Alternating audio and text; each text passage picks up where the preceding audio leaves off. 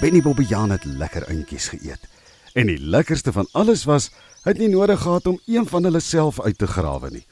So elke paar tree was daar 'n heerlike eentjie wat sommer bo op die grond gelê het en dan tel hy dit op en hy druk dit in sy kies.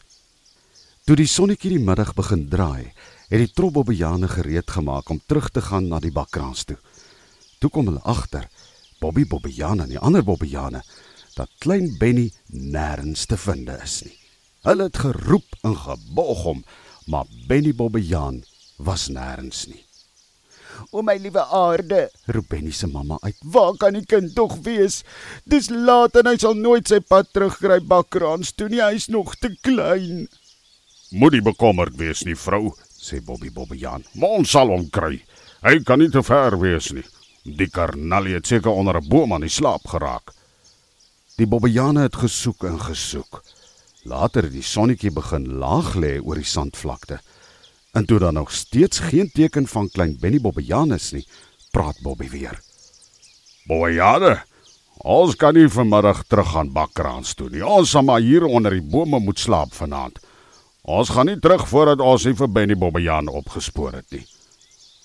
Die trobbobbejane het in die bome begin klim en reggemaak vir die nag. Net Bobby en die ander manne het die nag bly soek. Hulle het oral gesoek, maar daar was geen spoor van klein Benny Bobbejaan nie. Toe die son die volgende oggend opkom, het die ander Bobbejane maar weer van die eintjies op die sandvlakte uitgegrawe en geëet. Vrou, Sê Bobby Bobbejaan, toe hy en die ander Bobbejane terugkom by die trop. hier's groot fout. Benny het nog nooit op sy eie so ver van ons trop af gespeel nie. Ek dink ons moet almal terug gaan bakkraans toe.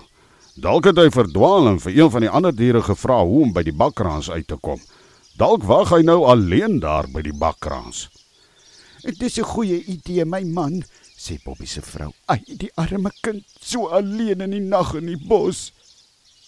Toe is die hele trop Bobbejane terug na die bakkraans toe. Op pad loop hulle weer vir Tiantier raak. En toe, Vra Tiantier. het julle klomp kransburgers lekker eentjies geëet, hè? Moenie met my begin nie, Tiantier. Brom Bobby Bobbejaan. Ek het nie lus vir jou nonsens vandag nie.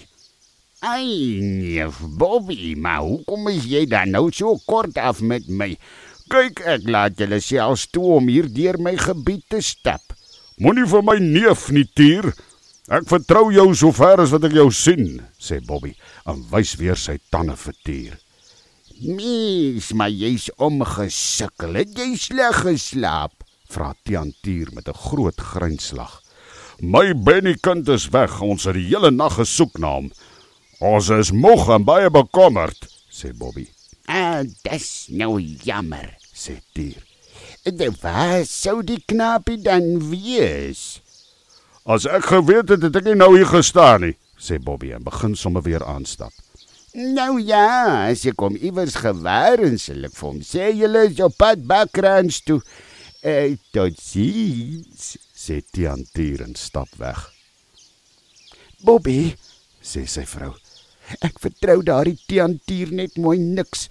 Sien hoe hy het vir klein Benny gevang en opgeëet. Dan sal dit sy laaste maaltyd wees wat hy in sy lewe geëet het. Dit beloof ek jou, vrou. sê Bobby Bobbejaan bekommerd. Toe die Bobbejane laat die oggend by die bakkraans aankom, was daar nog steeds geen teken van klein Benny Bobbejaan nie. Almal was baie bekommerd, Ha, uh, so kan dit nie aangaan nie. sê Bobby. Ek gaan nou reguit na koning Louis toe. Die diere en voëls sal moet help soek na Benny. En daarmee is Bobby daar weg, reguit na koning Louis se groot plat klip toe.